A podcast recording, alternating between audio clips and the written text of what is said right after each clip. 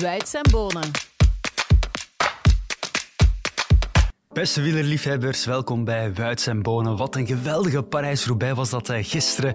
Roubaix met een uh, mooie winnaar. En we hebben ook uh, ja, de verrijzenis gezien van Wout van Aert. De Belgische kampioen werd bij zijn rentree meteen tweede. Die andere Belgische kampioene bij de vrouwen werd ook tweede, Lotte Kopecky. We gaan uitgebreid napraten over Parijs-Roubaix. We, dan heb ik het uiteraard over Michel Wuits. Dag Michel. Goedemorgen. En Tom Bonen. Goedemorgen. Goedemorgen. Genoten van de koers gisteren, Tom? Maar ik heb uh, puntje van mijn stoel of zetel gezeten. um, ik had het stukje al gezien op Eurosport voor de, de uitzending van, uh, van in Vlaanderen. En um, ja, toen was het echt al zo van, wat is er hier allemaal aan het gebeuren? Uh, het was een... Een echte Parijs-Roubaix, onvoorspelbaar. Iedere meter telt van de start tot de finish. En het kan eigenlijk altijd gebeuren in Parijs-Roubaix. En dat was nu wel eens duidelijk. Het was een geweldige editie. We gaan er zo meteen heel uitgebreid over napraten. Eerst drie vragen. Begrijp jij dat zowel Van Aert als Van der Poel niet mee waren toen Ineos het eh, peloton in twee brak? Uh, het feit dat ze allebei niet mee zijn en nog een aantal andere kandidaatwinners, dat wil zeggen dat die waarschijnlijk achteraan lekker zaten te lummelen. En uh, dat er een aantal heel slimme mensen dat gezien hebben en daar gebruik van gemaakt hebben. En dat is ook het mooie aan de, eerste fase van Parijs-Roubaix, die eerste 100 kilometer. Dat is niet de eerste keer dat dat gebeurt. Dat gebeurt vaak. Eigenlijk moet je daar als ploegleider wel op hameren dat je toch wel uh, een beetje je ogen open houdt, want dat heeft heel veel krachten gekost. Mm Bij iedereen trouwens, hè, maar ook uh, achteraan. Je krijgt die stress, dat, die een drang naar voren. Als je dan ziet, het is eigenlijk 110 kilometer geduurd voordat ze terug komen aansluiten zijn. Je hebt uh, alles wat je van kasseistroken meemaakt, moet sneller over. En ja, ik denk niet dat dat uh, hun te goede is gekomen. Ik dat ze dat zwaar bekoopt hebben in de, in de finale. Ik denk het ook. Michel? Ze zaten daar achteraan in het peloton inderdaad te spelen varen. En zelfs in conversatie te gaan met elkaar. Ik heb dat twee keer gezien. Onderweg in die vlucht van de Tour van de achtste etappe van vorig jaar. Eh, naar Le Creusot. Toen hadden ze ook een eh, prettige babbel. Dat was op zich al merkwaardig. En nu in Parijs-Roubaix dachten ze van... Het zal onze tijd wel duren. Maar oh wee, dat heeft een pak stress in het peloton neergeplant. Ja. Zo is dat. ze rekenen op een bepaald moment altijd op die ploegmaats hè, in uh, die beginfase van de wedstrijd. En dat moet ook voor een stuk. Maar je hebt toch ook altijd zelf voor verantwoordelijkheid voor, um, om te zitten waar je moet zitten. Hè. Dat kan altijd gebeuren. Maar echt vet, ik zeg het, zetten er vier, vijf, zes kandidaat-winners achteraan. Uh, ook bij Quickstep, als je dan ziet dat als er niet mee is en de rest wel ja, dan vraag ik me eigenlijk toch af, uh, kun je dan die twee uurtjes uh, je eigen niet iets meer concentreren om dan 30 plaatsen meer vooraan te zetten om toch te kunnen opschuiven als dat gebeurt? Want dat, dat maakt vaak het verschil tussen winst en verlies. Wat belangrijk was dat Teunissen die zat vooraan. Ja. Met een uh, paar mannen omringd. En dat maakte het voor Van Aert makkelijker in die tweede groep. Die kon daar zich, net zoals in de eerste groep, laten meedrijven. Voor Van der Poel was het een ander verhaal die was nog volledig omringd achteraan. En vandaar dat die moeten doorjassen hebben. Ja, dat heeft... Uh, Twee, drie uur. Dat heeft heel die ploeg... Dat is een ramp, hè? Ja, en heel die ploeg eigenlijk uh, ja, de, de, nek gekost. Hè. Als je dan kijkt, uh, Wout startte dan wel onder het mom van we zien wel. Dus je kunt nog zeggen, oké, dat, dat zou tactisch misschien nog verklaarbaar zijn. Maar um, in het geval van Mathieu heeft dat gewoon heel die ploeg de nek gekost. Ja, jullie zijn al bezig aan een uitgebreide analyse. Dat is goed. We zitten aan uh, de korte mhm. vragen, maar uh, het is interessant. Tweede vraag is, Lampaard even verantwoordelijk voor zijn val als die onoplettende fan? Um, het zou kunnen dat de vermoeidheid daar een rol speelt. Uh, dat de reactie dat die, dat, dat die wat afgebot is dat hij niet meer goed ziet hoe groot het gevaar is dat daar uh, opdaagt. Maar dat gaat ook zo razendsnel. Hè? Heel snel. We hebben een moyenne van uh, 45,8. Dat is gigantisch. Om dan perfect te reageren op zoiets. Kun je dat dan nog wel? Um, die meneer moet altijd zijn handen thuis houden. Hè? Goed. Ik begrijp dat niet goed. Ik begrijp die impuls niet goed. Waarom heb je dat nodig om zo'n renner gaan te voelen? Waarom moet dat? Ja, ik betwijfel of dat er... Kwaad opzettend spel is gewoon van ik wil die renner aanraken. Die mensen stond te applaudisseren en misschien is hij ook niet zo een beetje bijziend of zo, je weet het niet. Hè. Maar als renner moet je daar wel rekening mee houden dat dat, dat, dat kan. Je moet nooit echt, echt, echt die kantjes eraf rijden. En dat wil ik me zeggen, je ziet op tv vaak, uh, dat lijkt altijd heel indrukwekkend als die daar super dicht langs afrijden. Maar um, ik heb er ook gehangen en eigenlijk ben nooit echt allee, uit balans gebracht door iemand of zo, omdat je toch altijd die marge inbouwt en er rekening mee moet houden dat sommige mensen gedronken hebben. A. B. Enthousiast zijn. C. Het soms niet gezien hebben. D. Niet naar achteruit kunnen, omdat er nog een rij volk achter staat. Of Dus- een gracht, ja, ja, in dit val- geval. voilà. Dus- Of de dag van je leven meemaken. ja, ook dat. maar Dus- het, het is ooit nog erger geweest hoor. oh ja. In eh, 2009, in de tweestrijd tussen eh, Tom hier en eh Paul Zato. Als je die beelden eh, terug eh, opdiept, ja, begin maar te huiveren. Hè. Mhm. Dat is eh, een mirakel dat jullie daar heel uit zo heen gekomen zijn. Ja, ik heb vaak edities gehad. Eh, op een bepaald moment hebben ze ook een alcoholstop ingelast in Parijs-Roubaix, dat er niet meer nog mocht gedronken worden. Ja. Ik denk dat, dat, dat nu, ja, ja, ja, een paar jaar mochten ze niet meer drinken daar.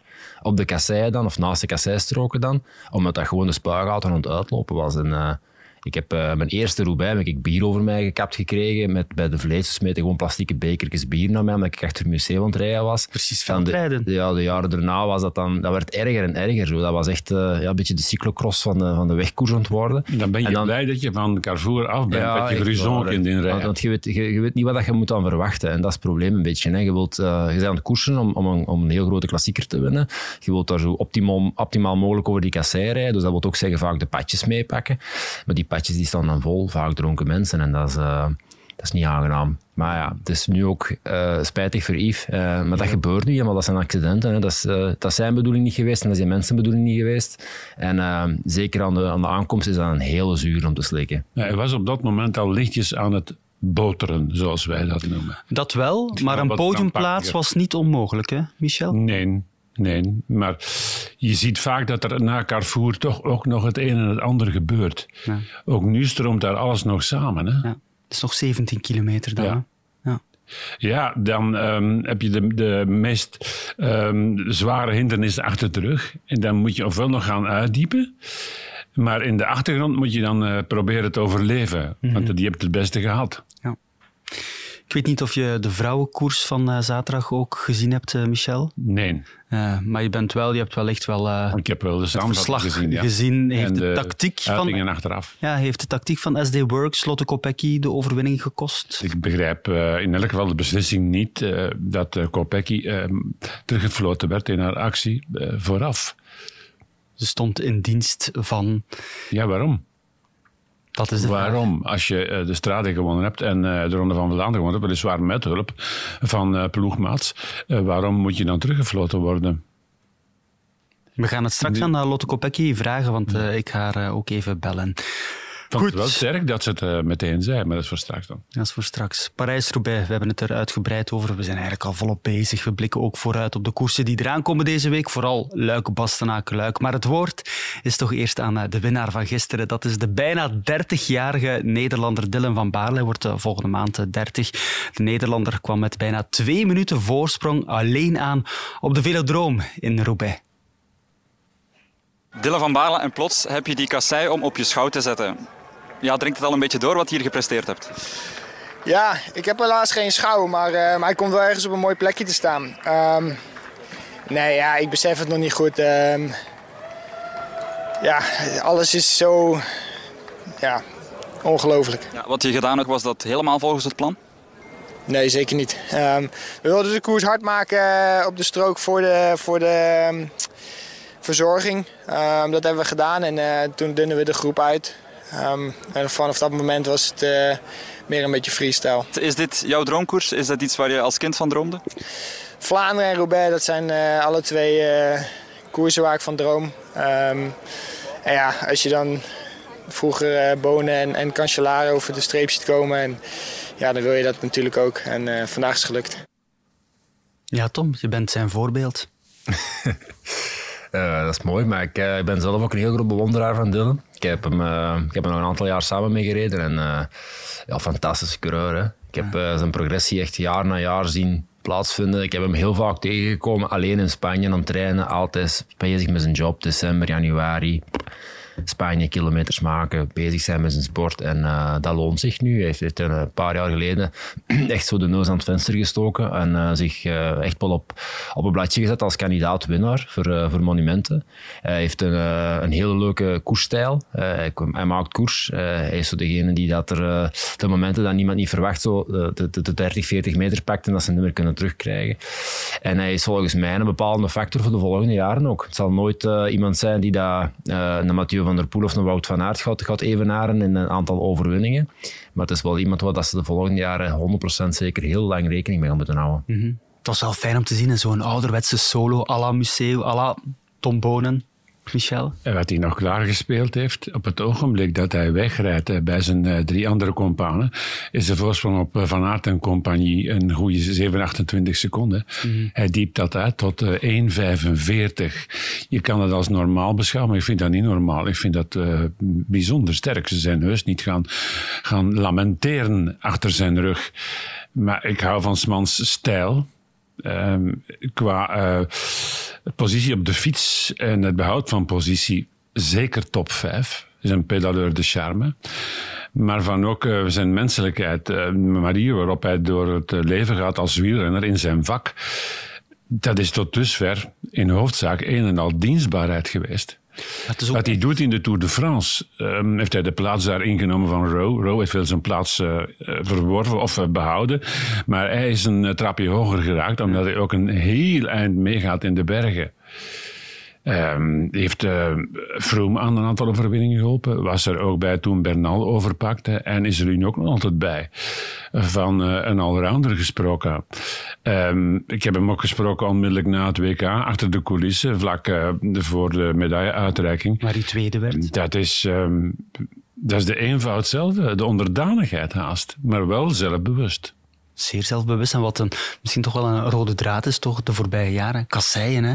Hij doet dat echt heel goed. Wat maakt hem zo een goede denk vooral- renner op kasseien? Ik denk vooral eh, lange, zware wedstrijden. Ja. Ik denk dat kasseien op zich eh, het, het middel is dat hij gebruikt om de wedstrijd hard te maken. Allee, Die, die liggen er gewoon. Maar ik denk dat hij gewoon heel hard houdt van eh, zware, lange wedstrijden. En eh, hoe vermoeider dat iedereen is en hoe zwaarder dat de koers is geweest, hoe beter dat Dylan tot zijn recht komt. Want de manier waarop dat hij koersen wint of uitslagen rijdt, dat is altijd door ja, het wegrijden. Of, maar hij heeft ook een aankomst. Hè. Het is geen topsprinter of zo, maar hij kan na een zware wedstrijd wel best goed arriveren. Dus Ja. hij heeft gewoon inhoud en ehm, hij heeft daardoor wedstrijden nodig die langer zijn dan het gemiddelde. Ja, maar hij heeft het wel ook heel slim aangepakt. Hè. Gisteren, hij draaide toen zijn ploeg de forsing heeft gevoerd onder aanvoering van Kwiatkowski, eh, draaide hij wel slim mee vooraan. Hij ging af en toe wel eens op kop rijden, maar twee trappen en dan Ja, terug. Dat, dat, is, dat is natuurlijk het scenario dat ze zelf gecreëerd hebben. Hè. Ik zat eh, met mijn vader in de zetel en eh, ik zeg, dat is, dat is een droom. Je zit, je zit per vijf kilometer zit je 100 meter op kop. Ja.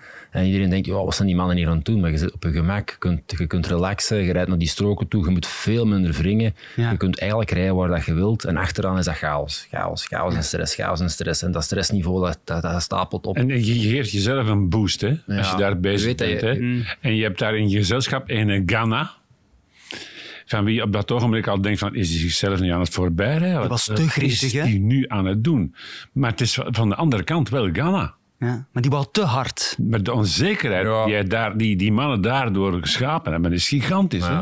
Ik denk als Ghana, maar dat, dat, dat geldt voor heel veel volk gisteren, als Ghana pechloos kan blijven en daardoor de Russen zijn hoofdvak kan behouden, want die is gewoon beginnen opjagen. Dat was, nou, die eerste lekke band ging dan nog, er terug naartoe, indrukwekkend. Dan nog eens, dan nog eens, achter een valpartij. En dat is in Parijs-Roubaix zo vaak eh, de waarheid als je begint gaan achterin te komen door lekke banden of zo. En je zit achter die auto's en dat stapelt gewoon op, want dan vallen ze weer voor je, kunnen we niet door. En dat creëert zoveel stress dat Ghana zich gewoon vergegalopeerd heeft. Want ik denk, zonder stress en zonder valpartijen en lekke banden, eh, was echt echt geweest. Die was super sterk. Ja, ja. Die mannen zitten nu ook al een week, zelfs iets langer.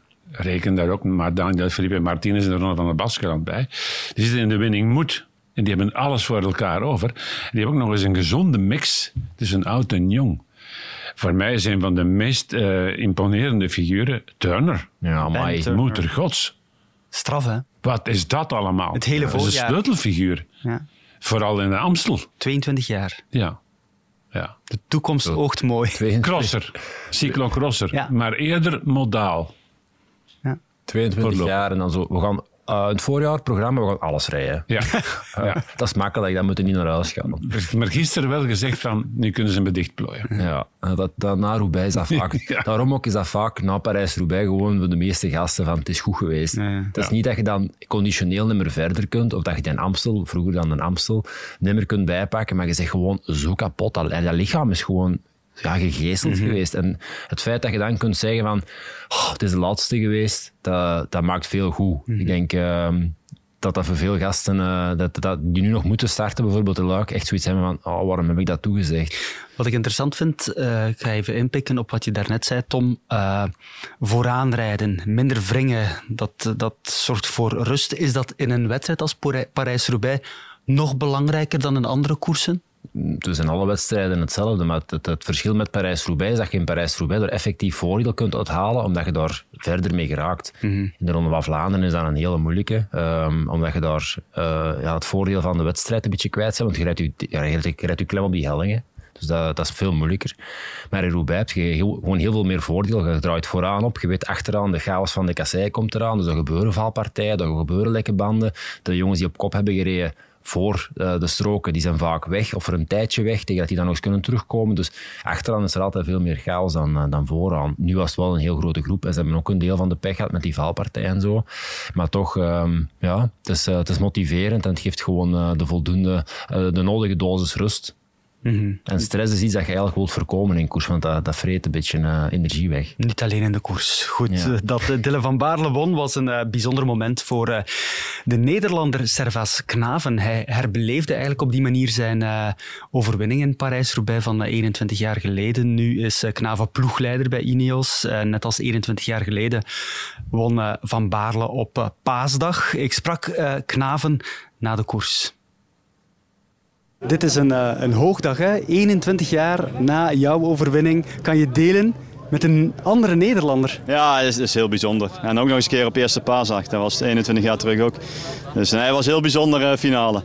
Kan je eens even uh, vertellen, hoe heb jij die finale beleefd? Ja, best wel intens. Best wel intens en uh, ja, best wel emotioneel. Dus, het is gewoon een heel bijzondere dag. En dat dan uh, zeker voor Dylan. Ik ben, ben vooral blij voor Dylan, omdat dat het uiteindelijk lukt om zo'n grote klassieker te winnen. En uh, ik weet wat hij er allemaal voor gedaan heeft. Hoe hard hij getraind heeft. Hoeveel pech hij gehad heeft. Ja, en dan gaat het van alles door je heen. En, en ook voor de ploeg. Ik bedoel, uh, ja, is het gewoon fantastisch. We wisten al dat hij goed eh, was. Dat hadden we al gezien in de Ronde van Vlaanderen. Maar dat hij het vandaag zou doen, had jij hem op voorhand bij de favorieten uh, ja, genoemd? Ja, nou ja, dat wel. Dat, dat hangt ook een beetje af hoe het koersverloop is voor hem. En, uh, vandaag was het perfect. Maar hij moet een lange, zware koers hebben. En dan was het vandaag. Maar was het echt perfect? Want hij heeft toch ook wel wat schermutselingen meegemaakt. Hè? Ja, nou, Roubaix is nooit perfect voor niemand. Dus uh, ook niet voor Dylan. Hij moest nog fiets wisselen voor uh, een strook, net voor de instrook voor Arenberg. Uh, maar hij, blijft, hij heeft wel geleerd om rustig te blijven en hij bleef rustig. En ja, alles viel heel goed in zijn plooi. Op een gegeven moment was die kopgroep al ver weg met Moritz. Toen hebben we gezegd, oké, we hadden al een plan om daar iets te proberen met de zijwind. En dat hebben we, hebben we gedaan. En, en, toen was het eigenlijk spel op de wagen. En toen begon de finale vanaf de, de, tweede bevoorrading, zeg maar. De voorbije jaren, als we het over uh, Nederlanders en koers hebben, dan hebben we het over Mathieu van der Poel. Dit is een overwinning van een andere Nederlander, Dille van Balen. Parijs-Roubaix, gigantisch grote koers. Dit is wel een belangrijk moment ook voor het Nederlandse uh, wielrennen, denk ik. Ja, nee, absoluut. absoluut. Als je kijkt... natuurlijk, hij is Van der Poel en je hebt Van Aert. Dat zijn de twee die, die er bovenuit steken vaak. Uh, maar die, ja, je moet een manier vinden om het, uh, om het lastig voor ze te maken. En uh, dat is nou vandaag goed gelukt. En dat lukt niet elke koers. Vorige week is het goed gelukt in Amstel. en dat is de manier waarop wij graag koersen. En, en ja, en nu lukt het twee keer achter elkaar of drie keer achter elkaar. Ja, en het kan de volgende drie keer ook niet goed uitpakken. Ja, want wat een ploeg hebben jullie. Hè? Het is toch indrukwekkend hoe Ineos Grenadier rondrijdt. Het hele voorjaar al. Hè? Met onder meer jongens als Ben Turner, uh, Kwiatkowski. Het is indrukwekkend. Ja, nee, absoluut. Wat heel indrukwekkend is, is, is die jonge gasten die, uh, die eerste jaar prof zijn en, en die mee de koers maken. En als je kijkt, Magnus Sheffield die wint in uh, Brabantse Pijl. Uh, ja, vandaag veel pech gehad, twee keer gevallen. En Ben Turner die, die nog niet gewonnen heeft, maar vandaag ook elfde finished. Door en met de hele dag gewerkt te hebben. En ja, het zijn echt een aantal hele sterke jonge gasten. Met de aanvulling met, met ervaren mannen als Luc Rook, Wiatowski, Dylan. ja, dit is gewoon een, hele goede mix. En ja, het momentum was er eigenlijk vanaf Waregem en dat is er gebleven en alleen maar beter geworden. Het is heel fijn om te horen hoe blij hij is, hè? Knaven. Tom. Absoluut. Fantastisch. Nee, maar ik heb Servaas uh, nog heel lang samen gefietst. En uh, ik heb hem na zijn fietscarrière dan ook ploegleider weten worden daar. En uh, dat, het traject dat hij heeft afgelegd is ook wel indrukwekkend. Hij heeft als ploegleider ook al een serieus palmarès opgebouwd. Ja. Maar ik denk, zeker in zijn hart is dit toch wel de overwinning die met het meeste gaat bijblijven. Ja, dat denk ik ook. Dat voelde ik wel. Hij herbeleefd ook die editie van 2001. Hè. Ja. Dat was toen wel de bedoeling dat Wilfried Peters die zou gewonnen hebben. Die heeft er een lange solo uitgeschud. Maar die werd dan gefnuikt door zijn boezemvriend Ludo Dirkses. En dan kwam alles samen en dan viel Museeuw plat. En toen Museeuw dan terug net kwam, ging Knaven. Slimme jongen, hè? Slimme jongen. En die won. Ja. Is Ineos de ploeg van het voorjaar, Michel? Want uh, een indrukwekkende maand april. Hè? Twee ritten gewonnen in de Ronde van het Baskeland. Daniel eh, Martinez, eindwinnaar daar. Kwiatkowski, de Amstel Gold Race gewonnen. Magnus Sheffield, de Brabantse Pijl, nu Parijs-Roubaix. Alleen die opsomming al doet ja zeggen. Maar het gaat niet alleen om die resultaten. Het gaat ook om de weg naar die resultaten. In blok beheersen en dan ook nog eens beheren, wat niet makkelijk is. En dan uh, uitgangspunten altijd weer opnieuw creëren, waardoor je in overtal blijft. En dan uh, daar, uh, bij wijze van spreken, een keuze uitmaken of het moment kiezen. Brabantse Pijl is daar een mooie illustratie van. Um, er valt een gat achter de rug van Sheffield. Die vraagt nog met zijn elleboogje pak eens over. En die ziet dan plots van, oh, ben hier alleen? Ja, ah ja er zitten er nog twee van hem achter. Ja. Ja, dat, uh, als je vanuit dat vertrekpunt, die overmacht, kunt handelen, ja, dan ben je team van het jaar. Het is natuurlijk wel de rijkste ploeg ook. Hè? Mogen we dat dan ook gewoon verwachten? Ja, maar daar ga ik toch wel een kanttekening bij zetten. Uh, ze doen het nu met jeugd. Hè? Ja. Dat is uh, vooral te danken aan Rod Ellingwoord. De jeugd is natuurlijk ook wel aangekocht, maar uh, jeugdig, als dat goed gescout is, dat kost allemaal wat minder. En ze leiden nu ook op. En er is een tweede element. Um, men heeft ook gezien dat het uh, koersen à la Van Aert en à la Van der Poel een stuk populairder is. Dus heeft uh, Brailsford op een bepaald moment de manager gezegd van dat gaan wij ook doen. Mm. Dat lukt um, door omstandigheden omdat de speerpunten voor het ronde wielrennen wat minder uitvallen. Dat lukt uitstekend uh, in het voorjaar met die jonge kerels. -hmm. En of ze aanvallen. En of ze lekker doorrammen. Ja, het is wel uh, heel fijn om te zien. Maar uh, ja, de ploeg van het uh, voorjaar, maar wat gezegd van Intermarché, want die Gobert, hè, heel klein budget, zeker als je het vergelijkt met Ineos, maar wel topprestaties. Hè. Gisteren opnieuw een sterke koers met Tom de Vriend, maar ze hebben ook al overwinningen behaald met Girmay, met Christophe. Toch ook wel straf wat die ploeg doet hè, van Hilaire van der Schuren. Ja, eigenlijk nog veel straffer. Ja. Want uh, Hilaire zit er al zo lang op te wachten, denk ik, op, op dit moment. En als je dan uiteindelijk ziet, dit jaar valt precies alles in de plooi. Hè. Christophe wint de Scheldeprijs, Girmay Gent Wevelgem. Uh, de vriend was gisteren ook echt wel een van de mannen van de koers. En dat is slim ook zo. Weet je. Op een bepaald moment, als Mohoric dat wegvalt, zag je hem zo denken van oei, wat gebeurt er nu? Zijn brommer was weg. Maar ik ben ervan overtuigd, gisteren ook in de sprint, als hij hem een beetje slimmer aanpakt, dat hij op het podium staat. En ja, dat wil toch wel iets zeggen, hè? Mm -hmm. Dat je een heel voorjaar op dat niveau kunt rondfietsen. Ja, dat zijn dus... die ook gisteren, die was supersterk. Die heeft eigenlijk door omstandigheden volgens mij niet vooraan gereden, want die was echt supersterk. Mm -hmm. um, dus ja. Iedereen had verwacht op voorhand, de ploeg van het voorjaar wordt Jumbo-Visma. Dat was in januari al heel duidelijk, dat zal gebeuren. Maar dan merk je toch wel, met of zonder Wout van Aert, dat blijkt toch telkens wel een groot verschil te zijn hè, voor die ploeg, Michel. Uh, Covid zit wel degelijk in de weg. Hoe je het ook draait of keert en hoe je dat ook uh, bespreekt en evalueert, dat heeft parten gespeeld. De beste van aard was er aan het eind van het verhaal in de Ronde van Vlaanderen, excuseer, in Parijs-Roubaix niet meer. Um, maar wat ook een uh, duidelijk geval was, dat was dat de anderen die hem omringen, met name Laporte nu in dit geval, toch al een tijdje wat aan het wegzakken is. Die zijn curve is dalende. Ook al besef ik dat hij in het begin van die race in alle tumult behoorlijk wat pech gehad heeft en onder meer ook gevallen is. Heb je dat gezien? Zijn achterwiel dat brak van nee. Laporte? Echt gewoon in twee gebroken? Wel, um, dat is nog een issue dat ik dacht aan, aan, aan Tom voor te leggen. Uh, de ploeg die het meest geteisterd is van allemaal lijkt mij Jumbo-Visma. Als Van Aert op vier verschillende fietsen zit in Parijs-Roubaix, dan moet er toch wel wat geweest zijn. Ehm, ik denk dat het vooral lekker banden De waren. ken je niet of het materiaal. Cervelo. Cervelo, sorry. Eh, sorry. Ik denk dat Wout eh, lek gereden heeft en dan een fiets van een ploegmaat heeft gepakt en dan daarna terug zijn eigen fiets heeft gepakt. Ja. Of, ah, ik weet ook de juiste volgorde Ja, niet. voor Bos van Valers heeft hij de fiets van Timo Roze genomen. Maar ik weet het niet. Ik weet niet wat er juist aan de hand was. Ja. Of dat het heel veel lekke banden waren, of dat er iets anders aan de hand was. Die fietsen denk ik niet dat er veel kan aan schillen, want dat is toch wel een merk dat al heel lang heel goed is. Dus Maar dat het achterwiel breekt wel op een kasseistrook, maar gewoon in twee plooit, dat vond ik wel opmerkelijk. shit happens. Shit En happens. zeker in Roubaix. Maar waar dat vooral opviel waren lekke banden. Hè. Ongelooflijk veel lekke banden. Ja. Veel Daar een meer. labele uitleg voor. Hè? Ja ik, ja, ik weet hoe dat komt. Ja. Hoe komt het? Eh, tubulusbanden. Tubulusbanden. Een tube, een tube ligt eigenlijk... Een tube is een ballon. En die ballon ligt op een velg. Dus die ligt daar van bovenop. En als je dat op kassei gaat rijden, die zijkanten kunnen weg. Een tubulusband zit in de velg. Dus als je daarmee op kassei gaat rijden, die pitst eigenlijk op die rand van die velg. Dus zeker in een editie zoals gisteren, hoge snelheid, veel blind. Hè, want je zit in het wiel, in het stof, tegen 50 per uur op die kassei te dokkeren. Als je dan hoge kasseikens meepakt en je, je, je niet genoeg met je lichaam, dan pitste die tube door, die tubulusband door op de velg en dan rijdt het lek. En dan moet je daar nog melk in doen. En wat je ook allemaal wil, die, die dichtingsmelk, zo, dat helpt niet. Dus geen tubulusbanden ik, in zo'n editie. Ik heb dat nog gezegd. Ik zou nooit van mijn leven met tubulusbanden willen rijden in Parijs-Roubaix. Dat- De voordelen van een tubulus zijn mij wel bekend. En ik denk voor 99% van de gevallen is dat effectief beter. Maar in Parijs-Roubaix is het zo specifiek dat ik eigenlijk altijd voor tubus zal opteren. Oké. En er zijn er nog, hè. Er, zijn nog teams die met tubus hebben gereden. Dus ik denk dat... Ik, denk dat, ik weet het niet zeker dat Jumbo met tubus reed. Volgens mij wel. Ja. Geen idee. In elk geval, rijden, dan kan je ook met lek rijden. Ja. Maar minder. In, in elk geval, eh, Wout van Aert werd tweede en dit was zijn eh, reactie na de koers.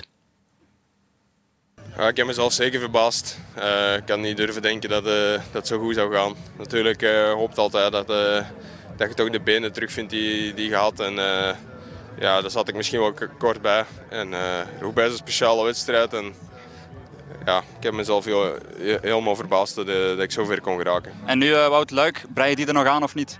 Ja, inderdaad. eh, het is, ja, ik denk dat je ook elk nadeel soms moet proberen te bekijken in eh, opportuniteit. En, ik heb natuurlijk al ergens ook wat frisheid opgedaan door niet te koersen de afgelopen weken. En ehm, het was eigenlijk wel afgesproken als vandaag goed zou lopen dat ik Luiker zou bijnemen. En ik denk met die tweede plaats dat het wel een bevestiging is dat zeker goed genoeg is om, eh, om een eerste lakbas naar Luik te rijken- rijden. En daar kijk ik zeker naar uit.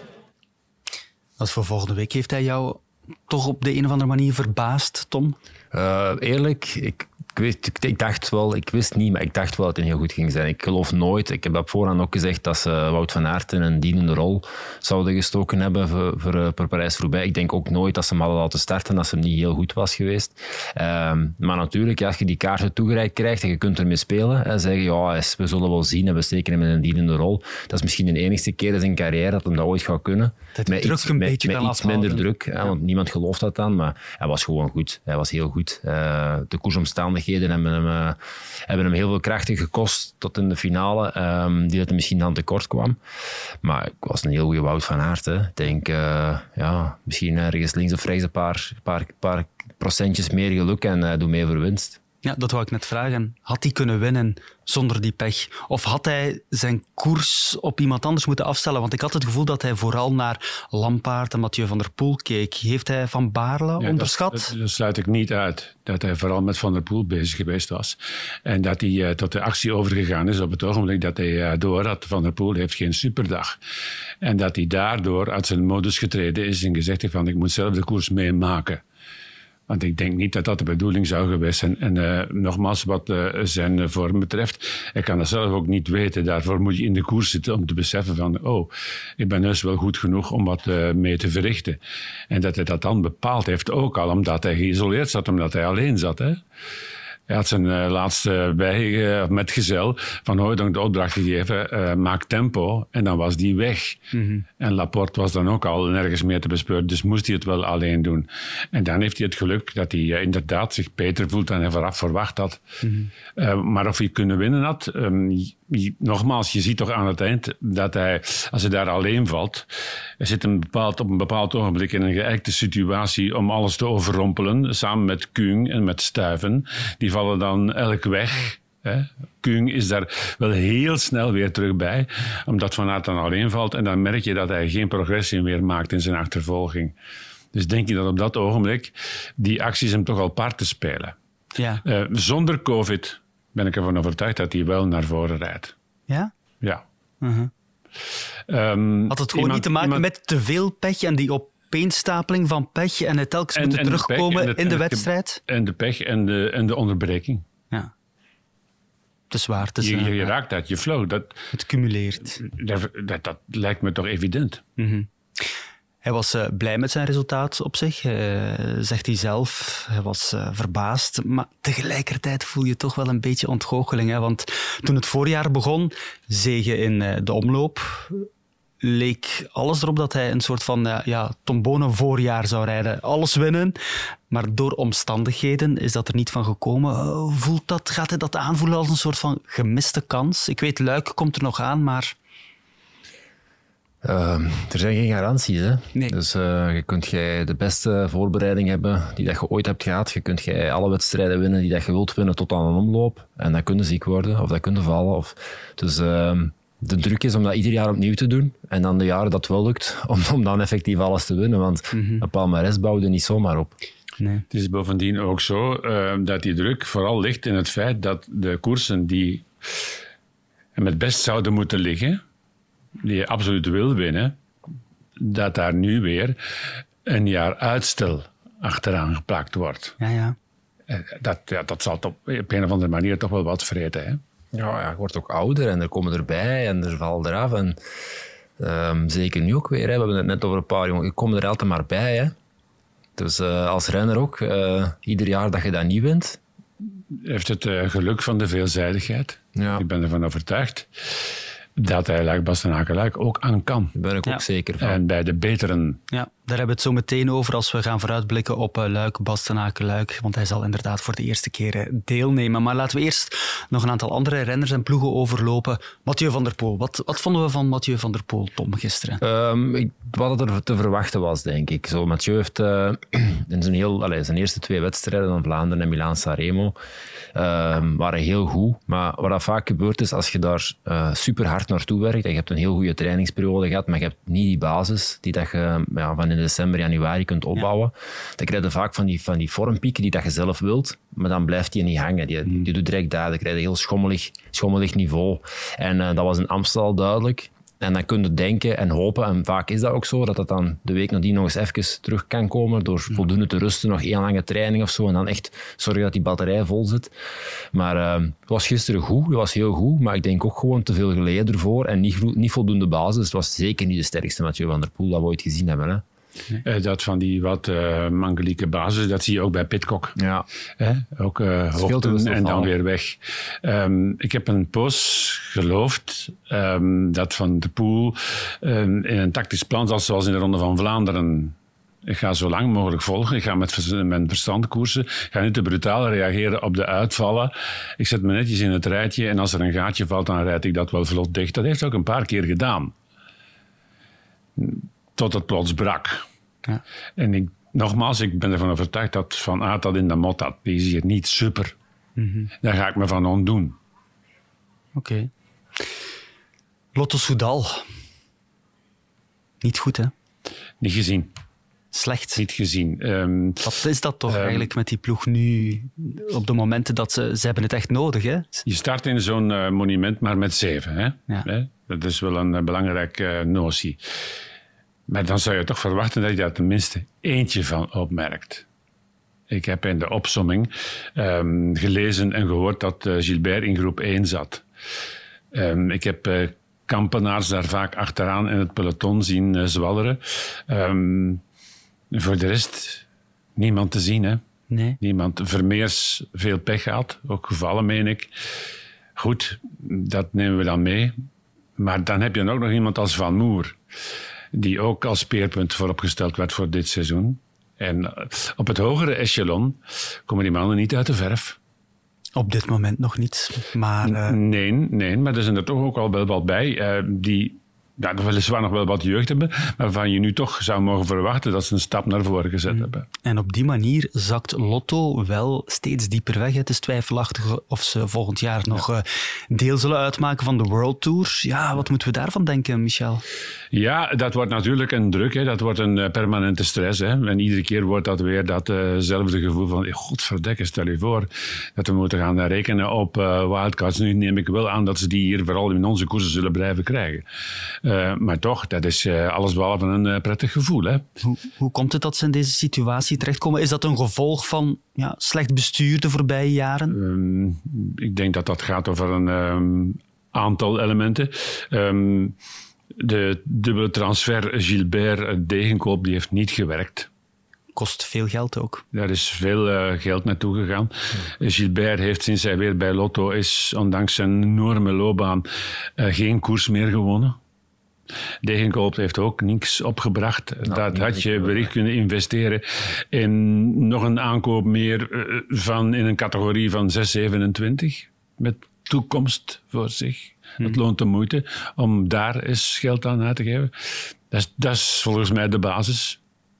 Slechte, dure transfers. Ja, maar ja, ik denk dat er uh, 95% van de mensen die in de, wereld, in de wielerwereld zitten echt zoiets hadden van, wat nu, allee, dat zoveel geld geven aan... Uh, pas op, hè, ik heb, ik, iedereen weet, ik heb heel veel respect voor Philippe en ik zou het zelf ook aangepakt hebben. Als ze tegen mij zeggen, hier is nog een contract voor, uh, voor 3 miljoen of weet ik ja. veel hoeveel dat was, op die leeftijd. Maar dat is gewoon dat is slecht bestuur. Ja.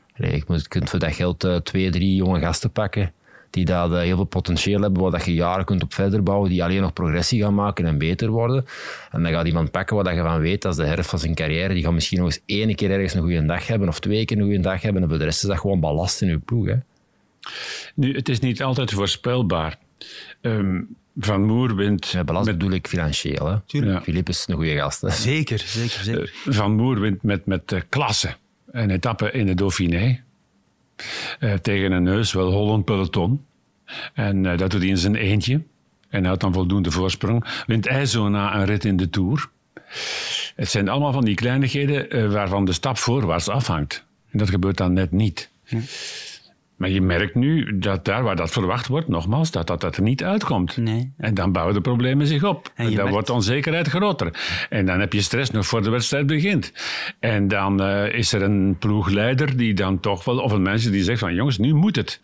Ja, de nervositeit bij Jean Lolange ja. is uh, gigantisch groot, want uh, gisteren ben ik even langs de bus gepasseerd. Ik wou uh, Jean Lolange een paar vragen stellen, maar het is de eerste keer dit jaar dat hij dat heeft geweigerd. Van nee, nee, volgende week na Luik. Dus je voelt wel dat het, dat het moeilijk wordt. Ja. ja. het is ook een beetje des persoons van, het gaat ook over, over wie mag zo'n uitspraak doen. Als ik Patrick Lefevre in zijn column zie schrijven van Van Aert en Stibar presteer nu eens uh, naar rata van uw loon. Dan denk ik bij mezelf, hoe gaat dat daarin bij zo'n uh, individu? Als dat een uh, gevoelige jongen is, dan werkt dat nefast. Mm -hmm. En dan komt er ook nog eens een zinnetje bij. vergeet ook niet dat je einde contract bent. Ik denk dat er andere manieren zijn om iemand te motiveren. maar, maar, het, is maar het is wel gelukt en ik vond Quickstep echt wel goed. Alert uh, vooraan, sterke koers gereden en dan, uh, ja, dan toch wel die pech. Het is eigenlijk bijna niet meer te geloven. Hè. Nu was uh, Yves Lampaard ja, de grote pechvogel. We hadden het daar net al over. Goede koers leek op weg naar het podium. Maar dan botste hij op een toeschouwer. Dit was zijn reactie. Ja, dat zijn situaties die niet zo mogen gebeuren in koers. En, uh, ja. Dat is heel jammer, maar uh, je maar zo'n supporter zei, dat is beter dat je thuis blijft. Hè. Wat gebeurde er precies? Kon je, kan je het inschatten voor ons? Ja, ik, ik, wil, ik wil die bal naar rechts aansnijden en normaal gaan de supporters altijd achteruit, maar uh, die man brengt zijn arm voorwaarts en slaat tegen mijn armen en ja, ik verlies de kont. Ik, uh, ik, verlies de controle over mijn stuur en ik had geen antwoord meer. Je valt heel zwaar, konden we zien op de beelden. Je valt ook op je rug. Valt de schade mee? Ja, ja maar, maar, dat maakt zelf niet uit. Ja. Mijn voorjaar is gedaan, dus... Uh, of ik hier nu uh, met een half been sta of niet, ja, het, het, is jammer dat mijn podiumplaats er niet in zit. Ja, zo mensen moesten zijn. Ik, ik weet niet wat ze moeten mee doen, maar, maar kijk, meneer gaat vanavond naar huis en niks gebeurt. En Yves zal waarschijnlijk heel erg pijn gedaan hebben, plus top 5 zeker weg. Hè? Ja, toch spijtig hè, voor Lampaard. Ja, heel spijtig. Oh, ik zou niet weten wat ik, als ik dat moest meemaken. Je moet verder natuurlijk. Ik direct, vind dat hij nog rustig is. Oké, heeft Ja, een paar maar- uitspraken gedaan, maar toch onmiddellijk na die koers, die Ja, adrenaline nog- dan. Nogmaals, hè, het is, ehm, die mens doet dat ook niet expres. Hè. Allee, ik kan er nu gemakkelijk over praten omdat ik het zelf niet was. Maar ik denk dat ik er zelf natuurlijk eh, veel erger eh, mee had omgegaan als ik het had geweest. Maar blijft verantwoordelijkheid van de renner om te rijden waar dat hem rijdt. Maar ik besef, Yves, Yves zit op dat moment ook... eh, je kijkt rechts door die bocht, je wilt door die bocht kijken naar waar het naartoe gaat. En je bent niet bezig met wat er hier hangt. Hè. Dus die mens moet effectief achteruit gaan, zo simpel is het.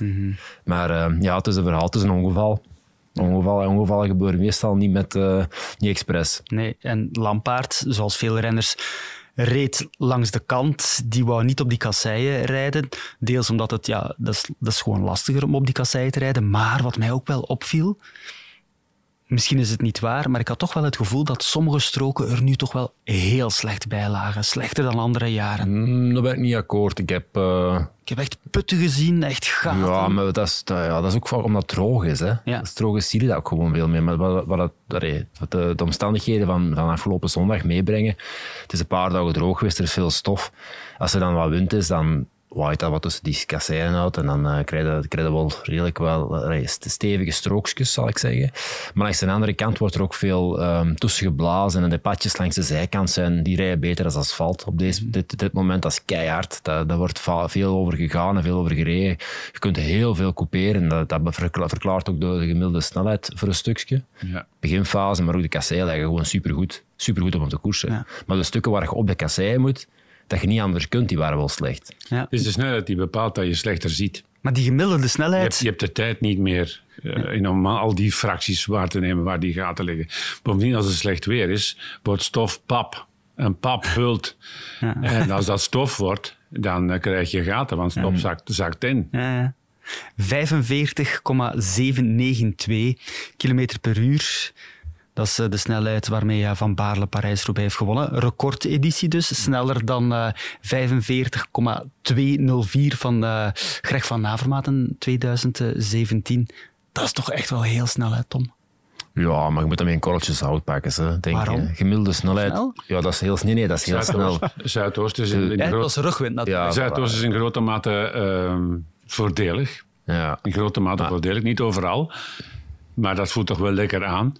En de boel lag open van in het begin. Hè. Ja, dat is, dat is het verschil. Hè. Het is eh, de eerste twee uur, hoe dat daar gereden wordt, die bepaalt de gemiddelde snelheid. Niet die laatste 150 kilometer. Mhm. Als je de eerste twee uur afrondt met, wat was het, 48, 9 of zo, Ja, ja, ja. dan, is het, dan is het makkelijk om 45 en nog te rijden. Dus je moet dat met korreltjes hout pakken. Dat is Ja. niet dat ze nu sneller over de kassei gereden hebben of zo. Nee. De omstandigheden in Roubaix ehm, moeten er gewoon naar zijn. Als je daar een, goede- een goede wind mee krijgt, als de koersen de eerste twee uur vol, dan heb je een heel hoge gemiddelde snelheid. In dat lijstje vind ik nog zeer interessant om nummer drie erbij te geven. De derde snelste. Ja. Weet ik niet. 45-1. 45-1 van... Peter Post, 1964. Goede omstandigheden. Oké. Iets minder stroken. Goed, zaterdag was er eh, Parijs-Roubaix voor eh, vrouwen, gewonnen door eh, de Italiaanse Elisa Longo Borghini. Lotte Kopecky werd tweede en toch overheerste achteraf het gevoel van een gemiste kans. Dag Lotte, Hallo, goedemorgen. nog heel veel aan zaterdag gedacht, Lotte?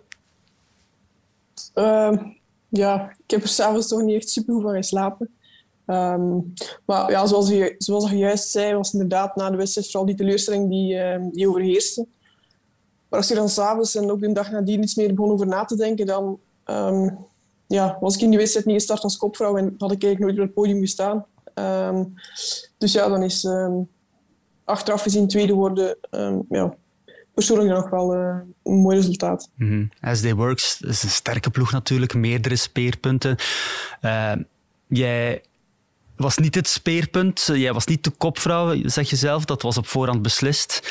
Maar je hebt er dan natuurlijk wel de gevolgen van gedragen. En wat is er achteraf nog over gezegd binnen de ploeg? Ehm, ja, dat we op een bepaald moment gewoon de situatie ehm, die we best wel goed onder controle hadden, ehm, ja, uit handen geven. Ja, en dan, dan wordt het heel moeilijk.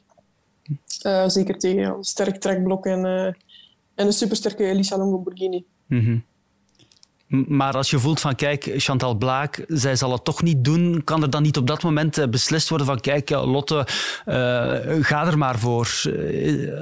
Dat, jullie daaraan, dat de ploeg daar dan aan vasthoudt? Wie beslist dat dan?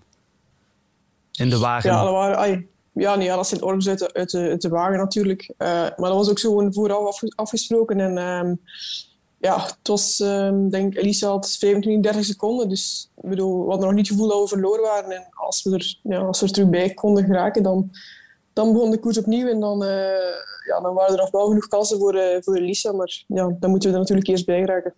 Mm -hmm. Michel, ik zie jou kijken. Heb jij een vraag? Ja, uh, heb je dan uh, nooit het gevoel gehad of uh, voor jezelf de beslissing genomen van ik ga er eens dwars doorheen rijden door de opdrachten? nee, toch niet.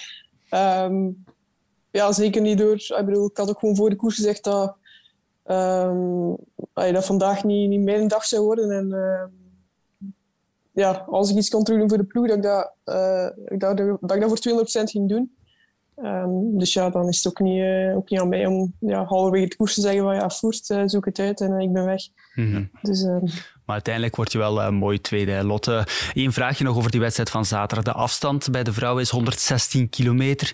Ik had het gevoel, zeker als je dan bijvoorbeeld vergelijkt met een Ronde van Vlaanderen, rond de, dus 160 kilometer, dat mag Parijs-Roubaix misschien toch ook wel hebben. Hoe sta jij daar tegenover? Ja, ik, zei het ook na de wedstrijd van, van mij mag die wedstrijd gerust 150, 160 kilometer worden. Dan, uh, dan krijg je ook ja, toch wel iets meer uh, de lijken richting de finish. Um, en ik denk dat dat wel in mijn voordeel uitdraait. Um, dus ja, nee, van mij mag die wedstrijd best, uh, best langer worden. Maar uh, in de eerste plaats waren we al blij voor, vorig jaar dat we, dat we eigenlijk een Parijs-Roubaix kregen. Dus um, ja, ik denk dat ze jaar na jaar wel uh, wat kilometers aan toevoegen. Ja, dat zou wel kunnen. Goed, Lotte, wat, heb, wat een voorjaar hè? heb jij gereden. Hè? Strade Bianchi gewonnen. Fantastisch. Ik, zag jou, ik zie jouw reactie nog altijd toen daar uh, in Siena dan de Ronde van Vlaanderen gewonnen. Nog, nog groter, tweede in Roubaix. Heb je de aandacht voor het vrouwenwielrennen doorheen dat uh, voorjaar, de voorbije maanden, ja, voelen evolueren dankzij jouw prestaties? Um, over het vrouwenwielrennen op zich uh, weet ik niet echt, maar ja, voor mij persoonlijk wel. daarvoor was er al redelijk veel aandacht, maar ja, sinds Strade was was mijn moment echt wel, uh, echt wel proberen om de boel toch een beetje af te houden, want uh, het was enorm energieverretend. Hm. Dat is wel wat anders, hè? al dan die, die persaandacht en zo, ook hier in Vlaanderen. Uh, je merkt het, hè? Ik bedoel, je, je, komt plots op voorpagina's te staan. Ja, dat, dat, geeft wel een boost, veronderstel ik. En tegelijkertijd vergroot dat de druk, voel je dat toch? Um, ik moet zeggen dat ik afgelopen seizoen heel rustig was overal, dat ik er overal vrij goed mee kon omgaan ook. Um, dus ja, het is, um, het, is, het is weer een volgende stap en het is iets waar ik, dat ik, ja, iets wat niet zal veranderen. Dus um, aan mij aan mee leren om te gaan. En uh, ik denk ook wel dat de ploeg het uh, vrij goed aanpakt uh, met de persverantwoordelijke die toch wel veel zaken op, op zich neemt. -hmm. Als ik naar de uitslagen van de koersen kijk, moeten we natuurlijk ook niet blind worden. Hè. Er zijn nog altijd te weinig Vlaamse vrouwen op het hoogste niveau. Heb je een zicht op hoe dat in de nabije toekomst kan of zal veranderen? Staat er een nieuwe lichting klaar? Weet jij dat? Um, ja, ik denk dat dat toch wel geduldig afwachten wordt. Uh, we hebben wel een paar namen, zoals Julie Wilde, die tweede werd in Dwars door Vlaanderen. Ja. Uh, die ja, toch wel uh, op zich er waren geen uitschieters, maar wel een, mooi voorjaar gereden heeft. Um, ja, dat zijn dan bij mij de twee voornaamste namen die, uh, die meteen in me opkomen. Maar um, wel twee dames met, met potentieel en, veel talent. Mm. Tom, wat ga jij het meest onthouden van uh, Lotte Kopecky dit voorjaar? Uh, de stap die ze gezet heeft natuurlijk. Hè. Het, is, uh, het is een groot verschil om, uh, om goed te zijn en wedstrijden mee te kleuren en dan klassiekers te beginnen winnen. Hè. Winnen is, winnen is, een klassieker winnen is echt heel moeilijk. En meerdere klassiekers winnen is, is nog veel moeilijker. En dat heeft Lotte gedaan inderdaad. Je hebt zaterdag Roubaix gereden, je werd tweede. En gisteren, dus zondag de dag later, was je aan het koersen op de piste in Gent. Lotte, waarom doe je dat? Moet je niet een beetje recupereren? Ja, ik had de keuze pas, pas gisteravond gemaakt na de wedstrijd. Um, als ik, als ik helemaal gebroken was, had ik dat zo niet gedaan. Maar um, volgende week staat er een Nation Cup op de piste in Glasgow op het programma. En uh, mijn laatste wedstrijd dateerde natuurlijk al van het WK uh, in Roubaix vorig jaar. Dus het was niet zozeer met het idee om echt voluit de koers. Het was meer het idee om gewoon even terug die versnelling aan te voelen en, en terug dat, dat peloton voelen op de piste. -hmm. um, dat ik er volgende week niet, niet meteen word ingesmeten. Mm -hmm. Hoe zien de komende weken eruit voor jou? Ehm, ja, volgende week nog die wedstrijd eh, en dan even, dan even pauze. Ehm, en dan eh, werk ik richting eh, Giro en Tour. Oké. Geen zin in Luik, Bastenaken, Luik? Ja, je moet nu op de piste, maar toch, toch geen zin daarin? Ik heb nog nooit gereden en ik denk dat ik het de komende jaren wel, wel eens ga proberen, maar ja, momenteel nog niet. Oké, maar jouw ploeg heeft natuurlijk wel wat, nog wel andere kandidaten. Hè? Ja, absoluut. Oké. Dank dat we jou even konden bellen. En eh, nog eens proficiat met jouw fantastische voorjaar. En nog eh, veel succes eh, de komende tijd. Ja, bedankt. Bedankt, hè, Lotte. Ze heeft enorme stappen gezet, toch wel? Hè? Het, is wel het is ook fijn om maar te horen en te zien eh, praten. Het is, het is anders, een grote stap in vergelijking met eh, vorig jaar, eh Michel. We- Weet je wat ik jammer vind? Dat is na alle glans die ze gegeven heeft en het feit dat het zo dankbaar is om blijven te zitten na de aankomst van de Ronde van Vlaanderen voor de mannen, eh, omdat we een eh, kandidaat eh, of win- winnares hebben. Dat heeft, geeft zo'n prettig gevoel. Maar het is zo ondankbaar dat een week later, dat dan een van de headlines van het nieuws is al van Kopecky was pas tweede in Parijs-Roubaix. Daar krijg je de creeps van.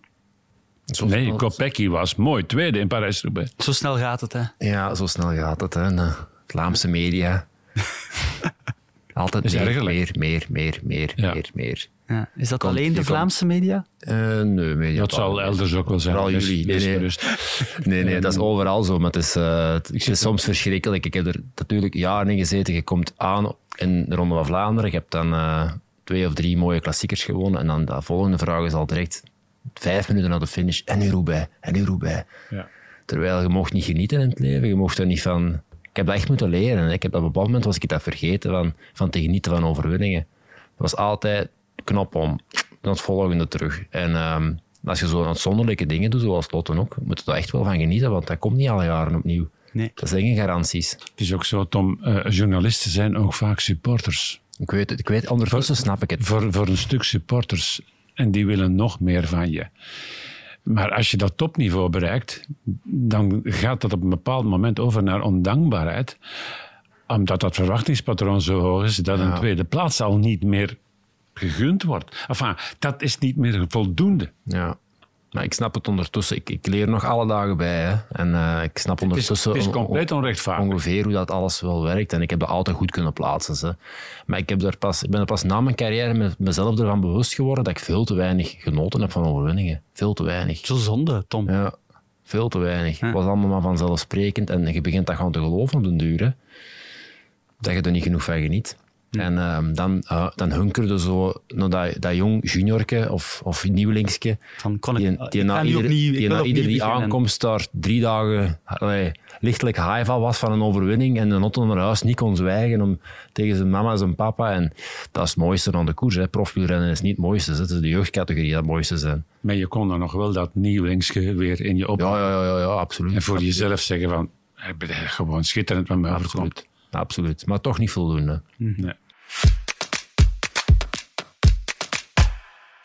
Het wordt weer een eh, drukke koersweek. Het zijn we intussen gewoon. Woensdag de Waalse Pijl, zondag Luik, Bastenaken, Luik. Met welk gevoel moet Wout van Aert, we hebben het al een paar keren aangeraakt, maar met welk gevoel moet Wout van Aert naar eh, Luik trekken, Tom? Eh, ik denk dat hij daar naartoe gaat met de bedoeling om, om zichzelf eens te testen in, in die wedstrijd. En het oog denk ik ook wel om, om, om finaal te rijden. Ik, ik, ben, ik ben zeker ik vind het een heel mooie koers. Ik trainde heel graag op, die, op dat parcours. Ik heb het nooit gereden, dus ik moet zien wat ik zeg, maar ik vind het een saaie wedstrijd. En eh, het is een wedstrijd eh, die daar één heel langgerekte sprint is geworden. Dus eh, in het geval van Wout is dat gewoon aansluiten en blijven zitten en optimaliseren en energie sparen en dan hopelijk aan de finish geraken. En dan kan hij effectief Luik winnen. Ik zie niet in waarom dat, dat nu niet zo Een paar weken geleden zei jij hier van Luik is voor Van Aert makkelijker om te winnen dan de Ronde van Vlaanderen. Omdat de- hij, ja, omdat hij in Luik ehm, tegen een heel ander peloton koerst. En allemaal mannen die dat er alle jaren hetzelfde doen. Ehm, en hij kan er volgen. Hij kan er volgen. En eh, het, het, het zou uitzonderlijk nog eens een, een spannende naar luik kunnen worden. Hè. We weten ook het, het weer nog niet. Allee, ik heb het weerbericht nog niet gecheckt. Maar ehm, het zou uitzonderlijk nog eens een spannende luik Maar meestal is dat toch gewoon aansluiten in het wagonnetje en een sterke ploeg rond u hebben en dan de finale ingaan. En eh, met twee, drie man rond u en dan met dertig man aan de finish en sprinten. Dat is zo moeilijk om er afscheidingen te krijgen in- de finale van Luik. Het is zo lastig dat iedereen wacht, wacht, wacht, wacht, wacht. Want je kunt niet aanvallen, want je loopt allemaal tegen die stijl muurtjes, die kasjes dat er allemaal in de finale liggen. Dat is zo moeilijk om daar weg te rijden, dat... ehm, ja, dat dat eigenlijk een beetje ehm, het doel de middelen voorbij gestreefd is. Ze hebben daar maar hellingen blijven bijleggen om die koers aantrekkelijker te maken. En het enige wat er gebeurt is dat die koers saaier is geworden, omdat je daar als vluchter bijna niks kunt gaan doen. Je rijdt altijd tegen die muurtjes, je eigen te pletter. En achteraan eh, die sterke blokken die er nog altijd zijn, die blijven bij elkaar. Gegroepeerd, vier, vijf man, tempo, tempo, tempo. Die rijden er altijd terug naartoe. En daarmee is dat geen heel mooie wedstrijd. Eh, je kan maar beter je riempje strak aantrekken als commentator bij Luik Bastenaken Luik, want je moet alleen maar vertellen over niks. Eh, dit even terzijde. Maar ehm, Van Aert is welkom bij Jumbo-Visma, want het is met Roglic fout gelopen in het ronde van het Baskeland. Uh, Roglic was al twijfelachtig en hij zal nu niet starten in de Ardense klassiekers. Ik vind dat op zich, ondanks het feit dat er Van Aert er nu ook bij is, jammer. Want dan hadden ze met eh, Roglic en met Vingegaard en Van Aert drie speerpunten. Ja. Eh, begin dan maar eens. Ehm, nu eh, gaat hij als medekopman starten, naast Vingegaard neem ik aan. Ik hoop dat hij goed genoeg is. En dan gaat alles geconcentreerd worden, zoals zo vaak op de Roger Faucon. Op dat ene opwippertje daar naar het einde toe, waar Alaphilippe altijd gaat. Pogacar is ook van de partij.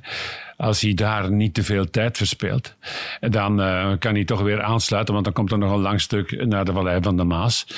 Dus hij kan zeker winnen, eh, zonder meer. Ehm, komt er ook nog eens bij, Van der Poel twee jaar geleden, die won op zaterdag de Benelux Tour.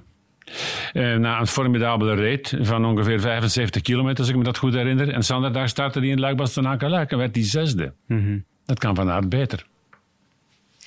Want die heeft meer middelen voor Luik. Als Van Aert wint, is hij dan alsnog de man van het voorjaar met omloop E3 Luik? Natuurlijk wel. Ja. Ehm, de meest impressionante prestatie die ik dit seizoen eh, gezien heb, dat was in de E3 Saxo Bank Classic van Van Aert.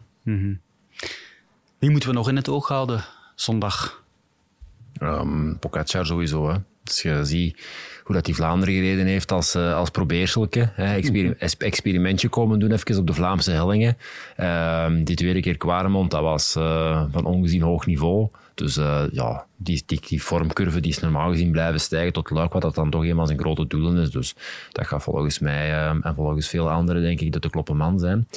Alaphilippe is een beetje een vraagteken. Ik denk wel dat hij goed gaat zijn, maar ja, we zullen zien. Onvoorspelbaar, hè? Onvoorspelbaar, ja. ja. Hoe, hoe, hoe komt het dat hij al een aantal jaren, toch een jaar of twee, drie, eh, heel veel aanvalt, altijd weer op een muur botst, ehm, en dan plots, als het erop aankomt, toch de walse pijl wint en toch wereldkampioen wordt? Het zijn uitzonderlijke kampioenen. En Alaphilippe, ik weet niet dat je hem goed kent. Als je Alaphilippe zijn persoonlijkheid kent, dan weet je ook hoe dat, dat komt. Hij is gewoon een heel wispelturige gast die dat emotioneel veel meepakt, eh, hevig, pap. Dat is de manier waarop hij koerst is zoals hij is. Hè. Dat is echt effectief een van de renners waar dat je dat het beste bij kunt zien. Hoe dat die, in, eh, die gast dagelijks leven rondloopt en hoe dat hij zijn leven zich, zich afspeelt voor zijn voeten. Dat is ook hoe dat hij koerst. En op de dagen dat hij zich goed voelt, dan wint hij het WK. En op de dagen dat hij zijn eigen wat minder voelt, dat het wat minder gaat, dan wint hij niks. En dat is gewoon wie dat hij is. En dat heeft niks met vorm te maken. Allee, hij moet goed zijn, maar dat heeft alles te maken met hoe hij zijn vel zit. Nu, de ronde van het Baskeland, vooral die slotetappe. En ik vond hem daar te snel van het eh, front verdwijnen. Voor Evenepoel niet veel meer betekend. Die mocht het dan alleen oplossen. En ook in de Brabantse pijl eh, één of twee keer vooraan verschenen en dan weg. En dan vrijwel nergens meer. Dan ook nog eens gevallen. Ja. Ehm, op een ongelukkige manier. Ik vraag me af of het nu goed komt. Maar het zal wel weer goed komen. Waarschijnlijk wel, ja. Dat is, eh, op een bepaald moment wordt je dan wakker en denkt je, uh, allee, kom, en dan slaagt hij zijn eigen op de borst en uh, dan staat hij daar aan de start en dan lukt dat wel weer eens een keer. Maar het zal waarschijnlijk op de muur van Hoei zijn. Daar kunnen, daar kunnen we er redelijk zeker van zijn. Dat is nog, zo'n heikel thema. Um, ik had gehoopt dat men dat parcours zou herzien en dat men de aankomst zou voorbij de muur van Hoei leggen. Want dat is een, een, een, een, een afschriktotem. er gebeurt in die koers een halve fluit. Ja, maar het zijn, het zijn twee... Ja, nee, het zijn, het zijn geen twee kopieën van elkaar. Maar de koerstactiek van die twee koersen is wel bijna een kopie van elkaar. Omdat je daar met twee, je twee keer met hetzelfde probleem. Valt er maar aan, hè. Komt er maar alleen voor te zitten. Hè. En het probleem is niet dat die renners die vooraan zitten niet goed genoeg zijn. Het probleem is dat die ploegen dat willen controleren. Vroeger voor een Valverde, voor een, dat die zo sterk zijn. En die hebben allemaal zo'n jumperberg op. zitten allemaal met allemaal zo'n uh, muurhagedis. Dus je zit geen met 15 man, 20 man, echt goede renners die die koers willen controleren. Ja. Die niet willen dat er iemand wegrijdt en die rijden gewoon op voet van die helling. Dat kun je niet wegrijden. wel eens ook mogen proberen, hij ontsnapt niet. Nooit. Ja, even. Ja. En wordt dan weer gegrepen. Ja. Maar als je die spanningsboog verlegt en je legt hem, dat is al gebeurd in de Ronde van België, een ander niveau, ik besef dat wel, aan de, eh, aan de boord van de Maas, wat verderop, dan krijg je wellicht een ander patroon. Dan zijn er nog kansen na de muur. Michel, anders moeten wij parcoursen gaan tekenen. Ja, ik vind het wel een goed idee. Ik, ik, ik, ik, zeg dat al heel mijn leven, dat wedstrijden lastiger maken. Hè. En dingen van, ah, we gaan er hellingen bij insteken. Niet per se aantrekkelijker. ja, eh. absoluut niet. Tegenovergestelde. De mooiste WK's, zoals Leuven bijvoorbeeld, dat is toch een prachtig WK geweest. Dat zijn niet de WK's waar dat 6000 hoogtemeters moeten overwonnen worden. Mhm. De Ronde van Vlaanderen is ook op het randje van... allee, dat, kan ook niet veel meer qua tactiek in die finale. Hè. Er, zijn, er zijn twee of drie vaste tactieken zo, die dat de laatste jaren... Omdat je er ook mee in een heel lastige finale zit. Dat is ook wel op het randje. En dan Luik, Bastenaken, Luik en Muur van Hoei, dat zijn de typische voorbeelden. Later wordt er aangehaald. Stikt, doet, doet er de, de aankomst ergens verleggen, zoals dat Michel zegt. Eh, Luik hebben ze dat nu gedaan. Dat, dat geeft veel attractie- attractievere koers. Dat maakt het veel mooier. Organisatoren zijn daar in de fout gegaan. Hè. Ik kan nu ook wel begrijpen dat ze allemaal een grote winnaar eh, eh, wilden, want onderschat dat niet. De drang naar een schitterende eerlijst van de organisator is eh, zo eh, heiligmakend. Ze willen niet anders dan kampioenen op hun eerlijst. Dus is er in de, neg- in de jaren 90, mede door types als Argentin, eh, later Valverde, eh typen als Vinokourov, is er zo'n drang ontstaan van wij gaan een aankomst boven leggen. Bovenop de Kouberg, bovenop de muur, bovenin Naals en ga zo maar door. We hebben dat zelfs in Vlaanderen ook geprobeerd, bovenop de vesten. Hè? Dat vind ik wel een mooie aankomst. Ehm, met als gevolg dat alleen maar die types winnen. En dat de spanning geconcentreerd wordt op die laatste klim en er onderweg vrijwel niks gebeurt. Oké. We zullen zondag zien hoe het eh, loopt bij eh, de mannen, bij de vrouwen. Dus geen eh, Lotte Kopecky in Luik. SD Works heeft natuurlijk wel wat andere mogelijkheden. Hè. Anna van der Breggen, zij is nu ploegleider bij SD Works. Maar Van der Breggen won Luik twee keer in 2017 en 2018. En Jonas de Kleer is de Olympisch kampioene en, haar, en meervoudige wereldkampioene gaan opzoeken. En samen met haar blikte Jonas terug op die overwinningen in Luik. Laten we het eens hebben over die koers die eraan komt, Luik, Bastenaken, Luik. Eerst even terugblikken naar die eerste twee edities ooit, die werden georganiseerd voor de vrouwen. Die werden allebei gewonnen door jou, 2017, 2018. En jij won toen wel heel veel. Ja, ik denk de eerste dat dat wel heel bijzonder was. Ook wel omdat dat drie op een rij was, ook Amstel Gold. Eh, ook wel spel. Dus dat was wel een week dat echt, ja, als je daar achteraf aan terugdenkt, dan gewoon alle drie van die grote klassiekers eh, achter elkaar winnen is natuurlijk absurd. Ja, welk gevoel komt er dan naar boven? Want het is niet onoverwinnelijk, zeg je. Nee, en ook als het dan juist wel lukt, denk ik ook dat je dan beseft van wow, dit is wel echt ja, bijzonder. En misschien lijkt het dan vanaf buitenaf van ja, je bent zo goed en, dat winnen is dan makkelijk. Maar dat, weet je, dat, zijn, het zijn hele verschillende wedstrijden. Het waren ook de, de ploeg die ik daar om me heen had. Eh, ik geloof dat Lissy eh, eh, ontzettend veel werk heeft, ook toen heeft gedaan. En dat viel dan mijn kant op dat ik die koers kon winnen. Maar drie op een rij, dat, dat is natuurlijk niet normaal. Dus dat besefte ik ook wel. Ja, dat was eh, niet normaal. En komend weekend wordt eh, ook weer interessant eh, bij de vrouwen. Dit is wat Anna van der Breggen van verwacht. We gaan ook eens vooruitblikken naar Luik, Bastenaken, Luik dit jaar. Wie zijn de grote favorieten voor jou? En natuurlijk ook buiten jullie ploeg. Ehm, ja, ik denk sowieso. Het, zijn een beetje de meiden en het hangt van het koersverloop af. Maar van, eh, als je kijkt naar de afgelopen jaren ook, is het uh, Annemiek van Vleuten die er altijd sterk is. Ehm, dit jaar zijn het ook een aantal nieuwe meiden.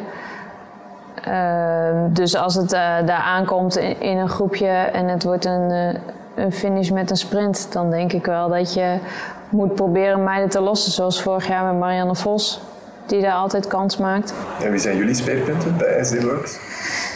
Ja, ook, ook bij ons zetten we niet op één in. Ik, uh, ik denk dat Demi Vollering daar sowieso goed zal zijn. Ehm, en met Chantal Blaak heb je altijd ook in Luik Bastenaken Luik iemand die, uh, die goed is. Ehm, ik ben heel benieuwd eh, ook voor Blanca Vas. Om af te sluiten nog graag twee namen. Wie wint Luik Bastenaken Luik bij de dames dit jaar? Demi Vollering. Oké. En wie wint er bij de heren? Rijdt uh, Pogacar ook? Ja, die rijdt. Ik denk dat toch dat hij wel gefrustreerd is en een goede kans maakt. Die gaat het goed maken daar. Dat denk, ja. En de zou, tweede keer winnen. zou een goede optie zijn. Oké. Ik wens jou alleszins heel veel succes, jou en jouw team. En bedankt voor het gesprek, Anna van der Breggen. Dankjewel, graag gedaan. Pogacar noemt zij als uh, winnaar van Luik Bastenaken Luik. Dat is een, uh, een, veilige keuze. Wie wint, Tom? Zondag? Ik, ik, ga, ik ga ja. volgen. Jouw favoriete Pogacar. onderdeel, Pogacar? Ja, ja, ja, Hetzelfde, een beetje de redenering. ja, gewoon zijn wedstrijd. Uh, hij is daar het, het, absolute type winnaar voor op dit moment. Conditie goed, uh, misschien iets goed te maken of Vlaanderen, misschien niet voor mij, maar voor zichzelf. Hij was heel boos op zichzelf, dus ik denk uh, dat hem zondag monumentje gaat meepikken. Monumentje meepikken? Je kan niet anders dan volgen. Mm -hmm. eh, na de Ronde van Vlaanderen ben ik ervan overtuigd dat hij nog beter is dan vorig jaar. En uh, dat hij uh, ze voldoende op lengte kan trekken op de Roger Faucon om alleen weg te rijden en weg te blijven. En desnoods heeft ook nog eens een scherpe sprint. Hè. Mm -hmm. Die kan alles, die jongen. Die kan moet zich wel niet in slaap laten doen door terugkerende lieden. En als daar Van Aert bij zit, dan mag Van Aert binnen. Tadej Pogacar, ik schrijf hem op. Michel en Tom, het is weer eh, voorbij gevlogen. Dank hiervoor. Dit was eh, Wuits en Bonen. Heel graag tot eh, volgende week.